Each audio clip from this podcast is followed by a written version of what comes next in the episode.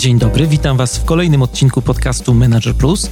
Przy mikrofonie Mariusz Hrabko, a to jest audycja o tym, jak zwinnie zarządzać sobą i biznesem. Jeżeli chcecie, żeby coś zmieniło się w Waszym życiu i czujecie potrzebę ciągłego szlifowania swoich umiejętności, zapraszam do słuchania moich audycji. Dzień dobry, dzień dobry. Dawno się nie słyszeliśmy, prawda? E, to wszystko kładę na karp e, ogólnego zabiegania projektowego. Ostatnio u mnie naprawdę się dużo dzieje, ale już ten taki backlog tych wszystkich zadań jest coraz chudszy, więc mam nadzieję, że niebawem wyjdę na prostą. Mm, wystartowaliśmy ze studiami Agile Leadership e, na Uniwersytecie SWPS, stąd takie zamieszanie w moim życiu. Tak sobie liczyłem cicho, że będziemy mieli tak 20 studentów, to by było super. Plan minimum był 10, a tymczasem mamy 30 studentów, z czego się ogromnie cieszę. Serdecznie Was pozdrawiam, drodzy studenci, przy okazji. E, zebrała się bardzo, bardzo fajna e, grupa dojrzałych liderów, którzy na co dzień pracują w firmach, e, w różnych organizacjach różnego kalibru. No i chcą świadomie wspólnie pracować też nad rozwojem swojego przywództwa. A dodatkowo jeszcze we wrześniu uruchomiliśmy platformę rozwojową dla liderów Agile Leadership Tribe, która no, pochłania mnie bez reszty, bo oprócz pisania e, wziąłem się też za nagrywanie filmów. To jest absolutna nowość w moim życiu, więc wiele rzeczy musiała, musiałem się nauczyć, z wieloma rzeczami musiałem się oswoić. No a niebawem też planujemy uruchomić takie dedykowane odcinki podcastu Manager Plus właśnie na tej E, platformie. Jest tam ponad 100 liderów i kolejna setka czeka już w poczekalni. Gdybyście byli zainteresowani, to w grudniu, a więc no za kilka tygodni tak naprawdę uruchamiamy e, kolejny nabór i będzie można się tam dostać. No właśnie, w końcu trochę czasu znalazłem, żeby nagrać kolejny odcinek podcastu, a dzisiejszy odcinek będzie trochę taki no, nietypowy, bo nie ukrywam, że do jego przygotowania mm, zainspirowały mnie mm, te wszystkie protesty społeczne, które ostatnio obserwujemy w naszym kraju w związku mm, z wyrokiem Trybunału Konstytucyjnego dotyczącego zaostrzenia prawa kobiet do aborcji. E, myślę, że jest tutaj sporo też z tego wszystkiego, czego doświadczamy, co widzimy na co dzień. Jest tutaj sporo cennych lekcji dla współczesnych liderów, właśnie lekcji, o których chciałbym Wam dzisiaj trochę opowiedzieć. Ruszamy. Ja Wam y, kilka razy w podcaście wspominałem ostatnio o takiej znakomitej książce, która no nie do końca jest książką biznesową. Jej tytuł to Żyć w tym świecie i przetrwać. Y, książka pochodzi z roku 93, a jest to zapis rozmowy, która y, odbyła się między Robertem Skinnerem, brytyjskim psychoterapeutą, a Johnem Cleesem, mm, którego myślę, że nie trzeba jakoś specjalnie przedstawiać. Aktor, mm, reżyser, no człowiek, bez którego nie byłoby Monty Pythona. Książkę bardzo polecam. Jest napisana dość takim błyskotliwym, dowcipnym językiem. Jest tam sporo brytyjskiego humoru a dotyka problemu zdrowego życia, tak bym to w skrócie ujął. Dlaczego w ogóle o tym mówię? Bo w ostatnim rozdziale tej książki panowie dyskutują na temat y, właśnie, który jest nam społecznie ostatnio bardzo bliski, na temat tego, mm, z czym de facto mamy do czynienia w Polsce, ale też nie tylko w Polsce, bo mm, no, taka sytuacja występuje także w innych miejscach na świecie. Mm, społeczeństwo podzieliło się na takie co najmniej dwa e, bardzo wyraźnie spolaryzowane obozy, które no, nie potrafią do końca ze sobą rozmawiać. Ja tutaj absolutnie nie będę Wam streszczał całej tej rozmowy. Odsyłam do książki, która będzie podlinkowana w materiałach do dzisiejszego podcastu. Chciałbym tylko nawiązać do pewnych bardzo interesujących badań, o które zahacza Robert Skinner, badań, które zostały przeprowadzone przez terapeutów rodzinnych w Stanach Zjednoczonych na początku lat 90., a więc bagatela no, dwie dekady temu te badania miały miejsce, mm, ale ci terapeuci zauważyli bardzo ciekawą rzecz, mianowicie, że istnieje wiele podobieństw między tymi takimi spolaryzowanymi kwestiami politycznymi, między tym, o co się tak naprawdę kłócimy dzisiaj, a sposobem, w jaki porozumiewają się niezdrowe rodziny. No i wymyślili sobie, ponieważ zajmowali się terapią rodzinną na co dzień, żeby zastosować właśnie zasady tej terapii po to, żeby sprawdzić, czy da się w ten sposób poprawić komunikację na temat właśnie z tych takich spolaryzowanych y, tematów politycznych. No i na początek y, do swojego badania wybrali temat, który właśnie ostatnio wywołał falę protestów w naszym kraju. Mianowicie, czy kobiety powinny mieć prawo do usuwania ciąży. Y, terapeuci wybrali ten temat, bo jak sami uzasadniali, jest to kwestia, w której stanowiska są spolaryzowane do maksimum. E, no i zauważ, że od tamtych badań, tak jak już wspominałem wcześniej, minęło ponad 20 lat, to polaryzacja stanowisk w tej sprawie no wciąż rozgrzewa nastroje i opinie społeczne, no na przykład w naszym kraju, czego byliśmy, jesteśmy wciąż e, świadkami. Czy kobiety powinny mieć prawo do usuwania ciąży, czy nie? Pytanie, a raczej temat, który jest e, bardzo kontrowersyjny, prowadzi do właśnie sporów, do konfliktów opinii, do różnych stanowisk. I teraz chciałbym Wam parę słów powiedzieć o samym tym badaniu, bo było bardzo ciekawe, jak dla mnie, a później pokażę Wam, co z tego właśnie dla naszego liderskiego życia możemy sobie wyciągnąć. Terapeuci mm, rodzinni, terapeuci amerykańscy w ramach tego badania zaprosili na spotkanie polityków właśnie, polityków, którzy reprezentowali poniekąd dwie strony tego konfliktu, takie dwa skrajne obozy zwolenników, no i przeciwników prawa kobiet do aborcji. Jaki był przebieg tego badania? No więc w trakcie badania zachęcano uczestników każdego po kolei, żeby tak dość szczegółowo wyjaśniali swój pogląd na temat prawa do aborcji, a inni w tym czasie mogli tylko słuchać. To była bardzo ważna zasada. Czyli jedna osoba mm, opowiada, wyjaśnia swój pogląd, swoją opinię na temat, czy swoje przekonania na temat y, prawa kobiet do aborcji, a inni w tym czasie tylko i wyłącznie słuchają. Poproszono y, polityków, którzy się wypowiadali, żeby mm, nie tylko przedstawiali swoje poglądy, ale żeby też pokazywali czy wskazywali na doświadczenia mm, takie życiowe bardzo, ich takie mm, związane z życiem prywatnym, osobistym, doświadczenia, które miały wpływ na właśnie ukształtowanie się tego ich myślenia.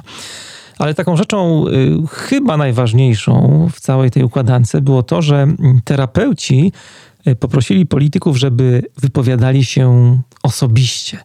Y, wręcz zachęcali ich do tego, żeby mówili w swoim imieniu i żeby wypowiadali się jako konkretne jednostki na podstawie tego, co no, czują, na podstawie swoich przekonań, na podstawie tego, jakie to wszystko wzbudza w nich emocje, ten temat aborcji, żeby mm, też, jeżeli widzą taką potrzebę, żeby podzielili się swoimi wątpliwościami, jakimiś mm, zastrzeżeniami, niepokojami może, które e, no, mogły się pojawić w związku z ich poglądem na tę trudną sprawę. No, zachęcili ich więc do takiej no, pełnej, transparentnej szczerości, otwartości. Chodziło o to, tak na dobrą sprawę, żeby no, odeszli od takiej partyjnej narracji, żeby nie mówili, jak mówi nasza partia, albo mój obóz polityczny jest zdania, żeby nie powoływali się za każdym razem na słowa liderów y, swojego ugrupowania i tak dalej, i tak dalej. Po prostu no, zachęcali ich do tego, żeby unikali całego tego takiego żargonu, a może nawet powinniśmy powiedzieć bełkotu, który na co dzień słyszymy w mediach, w różnych y, debatach politycznych, w ławach sejmowych. Chodziło o taką no, maksymalną szczerość. To było takie dość ważne, istotne założenie tej dyskusji. Chodziło o to, żeby każdy z tych polityków tak indywidualnie przedstawił y, swoją sprawę, swój pogląd na ten temat. No i żeby też umieć zachować taki maksymalny szacunek do wypowiedzi innych osób, innych polityków, którzy akurat, no na przykład, mieli inne zdanie niż moje. No i co było dalej? Po tym, jak y, każdy z tych polityków się swobodnie wypowiedział, to każdy z nich mógł też zadać pytanie. Ale był tutaj jeden warunek. To pytanie musiało wynikać z takiej autentycznej ciekawości, z, takiego, z takiej potrzeby zrozumienia drugiej strony. Wcale nie chodziło tutaj, i to bardzo mocno terapeuci podkreślali, mm, o zadawanie takich pytań, które mają sprowokować, takich pytań, które mają zaognić spór, albo takich pytań, które spowodują kłótnie, potrzebę spierania się, pytań, które pokażą w jakiś sposób no, wyższość moich poglądów nad poglądami innych osób. No i wynik tego badania był y, bardzo zaskakujący. Tych dyskusji odbiło, odbyło się kilka, no a wynik y, przeszedł najśmielsze oczekiwania organizatorów tego badania, tych terapeutów rodzinnych, bo ku zaskoczeniu wszystkich politycy z tych takich bardzo antagonizujących partii, którzy na co dzień walczyli jak lwy w różnych y, debatach telewizyjnych, radiowych, no nagle się okazało, że ci ludzie potrafią rozmawiać bez jakiejś takiej niepotrzebnej erystyki, bez jakichś takich wybiegów, trików, sztuczek pokazujących właśnie y, przewagę w polu takiej debaty. Ci ludzie autentycznie, szczerze potrafili rozmawiać na tematy, które były ważne dla nich, które były ważne dla społeczeństwa, które były ważne dla całego kraju.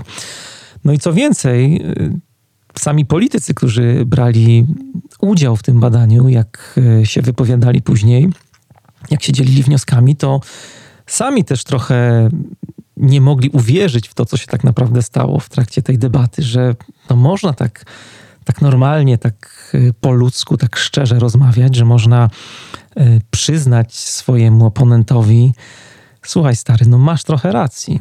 Albo też no, przyznać się przed sobą, że być może albo z pewnością to ja tak do końca tej racji nie mam. E, politycy, którzy brali udział w tym badaniu, podkreślali, że mm, było to dla nich bardzo cenne, bardzo takie ciekawe, istotne też doświadczenie i że dzięki temu badaniu stali się też y, bardziej otwarci, bardziej tacy rozważni, nawet jeżeli utrzymywali wiele ze swoich tych takich pierwotnych poglądów na temat y, prawa kobiet do aborcji. No wszyscy uświadomili sobie, jak, jak bardzo padli ofiarą pewnych stereotypów, które właśnie wytwarza system partyjny w danym kraju. E, nie tylko w Polsce, bez względu na to, czy jest to prawica czy lewica, pojawia się pewna taka narracja, której jesteśmy uczestnikami, której politycy są uczestnikami, e, która trochę idzie wbrew temu, co się wiąże z poglądami danej osoby, z wartościami, z jakimiś przekonaniami, z tym naszym takim wewnętrznym teatrem, który mamy w sobie, który dotyczy właśnie tych takich ważnych rzeczy, ważnych kwestii dla nas, dla społeczeństwa i dla kraju, w którym żyjemy. Tyle o badaniu. Teraz co to wszystko u licha ciężkiego ma z podcastem Manager Plus i z życiem liderem, liderów i z przywództwem? No jak dla mnie ma y, bardzo dużo i właśnie o tym bardzo dużo chciałbym wam y, opowiedzieć, bo no jest taki jeden zasadniczy wniosek, który płynie z tego eksperymentu, o którym Wam tutaj tak szczegółowo opowiadam. Mianowicie, że kiedy zachęca się ludzi do samodzielnego myślenia, to robią oni to w dużo zdrowszy sposób niż wtedy, kiedy formułują swoje wnioski, kiedy formułują swoje myśli, powołując się właśnie na wnioski lidera, lidera partyjnego, albo wyrażając pogląd grupy, której są członkami, do której to grupy przynależą. Dlatego myślę, że bardzo ważnym zadaniem współczesnych liderów dzisiaj właśnie, przed którymi ci liderzy stoją, to jest stworzenie takiej, nazwijmy to, krainy wolności, w której zamieszka zespół tego lidera. Tak bardzo metaforycznie, obrazowo wam tutaj mm, o tym mówię, ale tak sobie myślę, że E, to jest taka jedna z podstawowych potrzeb, którą e, my jako liderzy powinniśmy zapewnić naszym zespołom dzisiaj, zwłaszcza w kontekście e, tej specyficznej pracy, którą wykonujemy i też kontekstu, w którym ta praca się znalazła. Taka kraina wolności, kraina wolności zespołu to jest takie miejsce, gdzie ludzie mają po prostu komfort bycia sobą, że no nie muszą udawać, są autentyczni nie muszą zakładać żadnych masek, są szczerzy, są otwarci.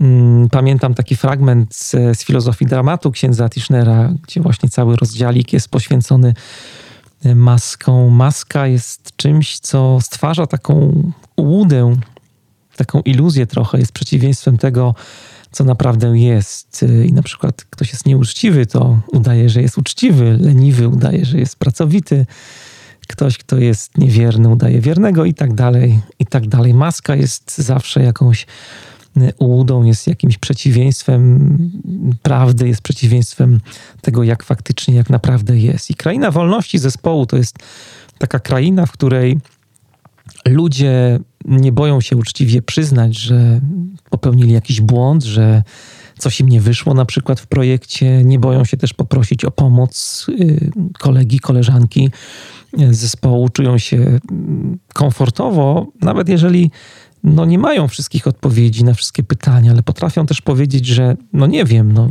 jestem pewien. Ty może znasz się lepiej, może ty powinieneś się zaangażować w pracę nad tym zadaniem, może ty mógłbyś mi pomóc w pracy nad moim zadaniem i tak dalej, i tak dalej. To jest takie miejsce, gdzie mm, ta kraina wolności jest takim miejscem, gdzie nie uprawia się polityki. I nie mówię tutaj o polityce takiej e, przez duże P, z którą mamy do czynienia e, na co dzień w różnych debatach politycznych, radiowych, telewizyjnych, ale mówię o takiej polityce właśnie wewnątrzfirmowej.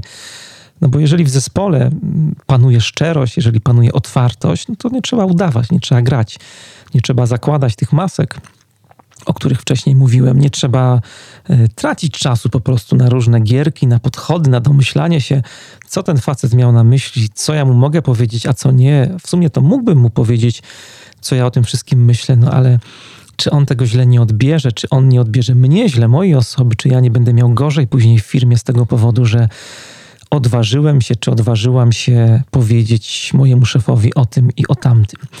E, kraina wolności zespołu to jest takie miejsce, gdzie ludzie sobie ufają. To jest też kraina zaufania. To jest e, miejsce, gdzie ludzie czują się po prostu ze sobą dobrze, czują się ze sobą w porządku i nie obawiają się odsłaniać tych swoich takich mm, słabości, takich miejsc, gdzie nie błyszczą, nie boją się mówić też e, o porażkach, o tych niepokojach, które gdzieś tam siedzą im w głowach. E, to jest szczególnie ważne w kontekście zespołów, które, mm, z którymi mamy do czynienia dzisiaj. Zespołów na przykład agile'owych, zespołów, które mierzą się z dużą złożonością i z dużą niepewnością. Myślę, że taka kraina wolności nie jest atrakcyjna dla zespołów, które E, wykonują pracę taką bardziej powtarzalną i, i no nie mierzą się na taką skalę jak na przykład e, zespoły zwinne z niepewnością i ze złożonością, bo to jest taki stan, taki kontekst bardzo e, symptomatyczny. To jest taki kontekst, kiedy musimy działać trochę intuicyjnie, kiedy musimy wykazywać się dużą kreatywnością, kiedy musimy być pomysłowi, innowacyjni, elastyczni, kiedy musimy być agile po prostu kiedy musimy umieć szybko zareagować na to, co się dzieje w danej sytuacji, na te zmiany, które płyną z otoczenia. Musimy mieć też dobrze w zespole ustawione anteny reagowania na te zmiany, wyczuwania tych zmian. E, musimy też się jakoś odnaleźć w takich sytuacjach, kiedy no, no nie mamy gotowej odpowiedzi na wszystko, kiedy mm, za bardzo nie możemy też sobie sięgnąć do przeszłości żeby znaleźć jakieś takie dobre praktyki, które nam się kiedyś sprawdziły i być może moglibyśmy je zastosować tu i teraz. To tak do końca nie działa w sytuacjach złożonych i niepewnych. W sytuacjach, kiedy my jako liderzy musimy umieć sobie dać takie przyzwolenie na coś nowego, przyzwolenie, które wiąże się mocno z eksperymentowaniem, zestawianiem takich pierwszych kroków i wyczuwaniem, co dalej trochę, nie budowaniem takich planów e, wieloletnich czy celów wieloletnich, które chcemy osiągnąć, ale nauczenie się takiej pracy właśnie z takim szybkim stawianiem hipotezy, umiejętnością szybkiej weryfikacji tej hipotezy i ewentualnie korygowania e, takiego dynamicznego e, tego, co się będzie działo dalej, takiej adaptacji. Musimy nauczyć się jako liderzy bardziej ufać doświadczeniu i otwierać się na to doświadczenie. Ja ostatnio mm, dużo o tym mówię, może jeszcze kiedyś też nawiążemy w jakimś oddzielnym odcinku właśnie na ten temat, bo empiryzm to jest jakby oś, to jest fundament metod zwinnych, ale także to jest fundament takiego mm, codziennego życia, funkcjonowania y, zwinnych liderów. No i wtedy ta kraina wolności posiadanie takiego y, trochę takiej oazy, takiego azylu dla zespołu jest y, bardzo, bardzo ważne.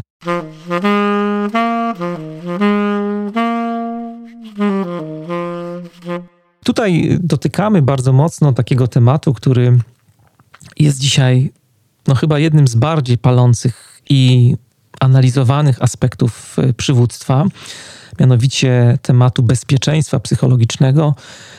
Często też obiegowo funkcjonuje angielski zwrot psychological safety E, który jest właśnie nawiązaniem do takiej krainy wolności, którą tak obrazowo Wam tutaj opisałem. A jeśli chodzi o bezpieczeństwo psychologiczne, to można powiedzieć, że dotyczy on to bezpieczeństwo tego, jak postrzegamy e, konsekwencje związane z ryzykiem wypowiedzi, którą planujemy podjąć w jakiejś grupie albo w kontekście jakiejś konkretnej Mm, sytuacji. Tak prościej może trochę. Chodzi tak naprawdę o to, jakie myśli pojawiają się w Twojej głowie.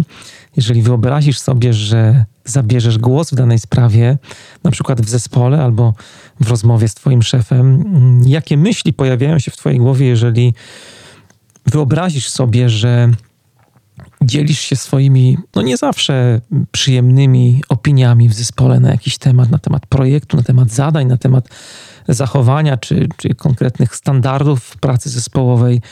Mm, w sytuacjach, kiedy na przykład kontestujesz wypowiedzi innych osób w projekcie, jeżeli e, no, nie zgadzasz się z czyimiś poglądami, mm, co sobie wtedy myślisz? Jakie są te Twoje myśli w głowie? Czy jesteś e, pełen obaw, jakichś lęków, niepokoi, czy może czujesz się właśnie bezpiecznie, żeby te myśli wypowiadać, żeby się nimi dzielić z innymi? No i zauważ, że tutaj wcale nie chodzi o to, co się faktycznie stanie. Nie? E, to tak naprawdę nie ma znaczenia. Bardziej chodzi o to, co my czujemy, że się stanie. Chodzi o to, jak ty się czujesz, jak tylko sobie zwizualizujesz tę myśl, czy tę konkretną sytuację w twojej głowie, która może się wydarzyć, ale wcale się nie wydarza. Czy właśnie sama myśl o tym, mm, co się stanie, jak się z kimś nie zgodzisz, albo e, użyjesz jakichś takich argumentów, które obalają czyjeś poglądy, opinie na dany temat w zespole, w projekcie, to czy właśnie ta myśl wywoła u ciebie jakąś taką gonitwę myśli, jakieś takie przyspieszone bicie serca, zaczną ci się pocić ręce, czy może czujesz jakiś taki spokój i w ogóle nie przejmujesz się Mm, tym, że to może jakoś być źle odebrane, że to może ci jakoś zaszkodzić, że twoja pozycja nagle spadnie w jakichś tam rankingach firmowych i tak dalej, i tak dalej. Jeżeli ludzie nie będą czuli takiego niepokoju związanego właśnie z wypowiadaniem się w twojej firmie, w zespole, jeżeli jako lider e, zbudujesz dla nich właśnie taką krainę wolności, to ludzie, ludzie nie będą e, bać się też szczerej, takiej otwartej komunikacji, e, nie będą się bać feedbacku, odbierania, udzielania informacji zwrotnych, nie będą bali się też angażować w konflikty, które dla zespołów są bardzo dobre, konstruktywne konflikty oczywiście nie będą bać się też e, popełniać błędów, e, prosić o pom pomoc, e, wykazywać inicjatywą, nie będą się bali też podejmować ryzyko mm, niezgadzania się z czymś pomysłem czy opinią.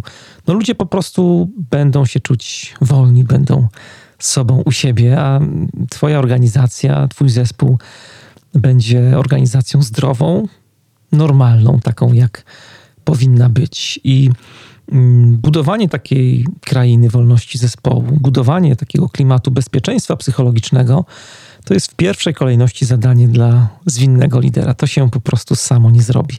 Bo to wiele razy tutaj powtarzam w podcaście mm, przy różnych okazjach, że granice rozwoju lidera są granicami rozwoju zespołów i organizacji. Jeżeli lider się gdzieś przyblokuje, jeżeli lider Mm, zatrzyma się na jakimś etapie swojego rozwoju, to też na takim samym etapie zatrzyma się organizacja i zespoły, które w tej organizacji pracują. Od liderów bardzo dużo zależy, jeśli chodzi o e, właśnie tworzenie klimatu bezpieczeństwa psychologicznego. Jest e, mnóstwo też badań, które e, wskazują na to, jak ważna jest rola lidera, właśnie lidera w budowaniu takiej krainy wolności. I tutaj, żeby nie polecać wam za dużo, bo dostaję od was takie maile, że czasami jest tych książek tak dużo, że nie jesteście w stanie ich przeczytać wszystkich i lista wam puchnie. To teraz polecę tylko jedną książkę e, w temacie bezpieczeństwa psychologicznego. Książkę autorstwa profesor Amy Edmondson. Ona jest profesorem na Harvard Business School e, i chciałbym wam polecić książkę Fearless Organization. Zdaje się, że nie ma tłumaczenia wciąż na język polski tej książki. Znakomita rzecz. Jeden rozdział w tej książce właśnie jest poświęcony badaniom, jak dobrze robi zespołowi właśnie bezpieczeństwo psychologiczne. Także jak ważna jest rola lidera w budowaniu takiego mm, klimatu bezpieczeństwa psychologicznego. Y, książkę oczywiście znajdziecie w materiałach pod dzisiejszym odcinkiem. Jak budować taką krainę wolności zespołu? Jakie praktyki mm, się sprawdzają? O czym warto pomyśleć, żeby stworzyć taki klimat bezpieczeństwa psychologicznego w zespole? O tym opowiem Wam już w kolejnym odcinku. E, także pozostańcie przyczajeni. Zostawiam Was na dzisiaj z tą garścią myśli, którą e, dla Was przygotowałem, żeby zrobić takie trochę wprowadzenie do działania, o którym sobie trochę poopowiadamy w kolejnym odcinku. Na koniec mam jeszcze małą prośbę, jeżeli podoba Wam się ten podcast, jeżeli podoba Wam się to, co Wam tutaj opowiadam, to niezmiennie zachęcam do tego, żeby zostawić e, jakieś gwiazdki, najlepiej kilka lub recenzję krótką w wyszukiwarce iTunes. Opis, jak to zrobić, znajdziecie w materiałach pod odcinkiem. Są linki też, tak żeby w miarę szybko ten proces przebie przebiegł, a mm, e, jeżeli mm, już to zrobiliście, albo ta forma Wam nie odpowiada, to zachęcam też niezmiennie do marketingowych szeptów na temat podcastu Manager Plus Wspomnijcie o nim swoim znajomym, y, jeżeli tylko uważacie, że to, o czym tutaj opowiadam, czy opowiadamy, rozmawiamy, w jakikolwiek może im się sposób przydać. E, przypominam też, że już niebawem, bo w grudniu mm, od 7 do 20 przez e, dwa tygodnie będziecie mieli możliwość też zapisania się do platformy rozwojowej dla liderów Agile Leadership Tribe. E, platformy, która jest taką społecznością online liderów, którzy się wzajemnie wspierają, rozwijają. Jestem bardzo tam aktywnym członkiem, e, gospodarzem tej społeczności wspólnie z Olą. E, co tydzień wrzucamy tam nowe treści, są to artykuły, materiały wideo. Przymierzamy się też do takich dedykowanych odcinków podcastu Manager Plus, więc dzieje się tam dużo. Oprócz tego jest forum, gdzie można się powymieniać różnego rodzaju informacjami, popytać i jest na pewno też tam dużo intensywnej, takiej indywidualnej pracy. Są kluby czytelnicze, e, są tygodnie pracy z danym tematem. To wszystko właśnie w ramach tej naszej społeczności. Bardzo Was zapraszam. Zerknijcie na stronę altribe.pl, e, która to strona będzie oczywiście podlinkowana w materiałach pod dzisiejszym odcinkiem. No i to już wszystko na dzisiaj. Ja się nazywam Mariusz Chrapko. Życzę Wam absolutnie udanego, słonecznego, miejmy nadzieję, i produktywnego tygodnia pracy. Trzymajcie się i do usłyszenia niebawem.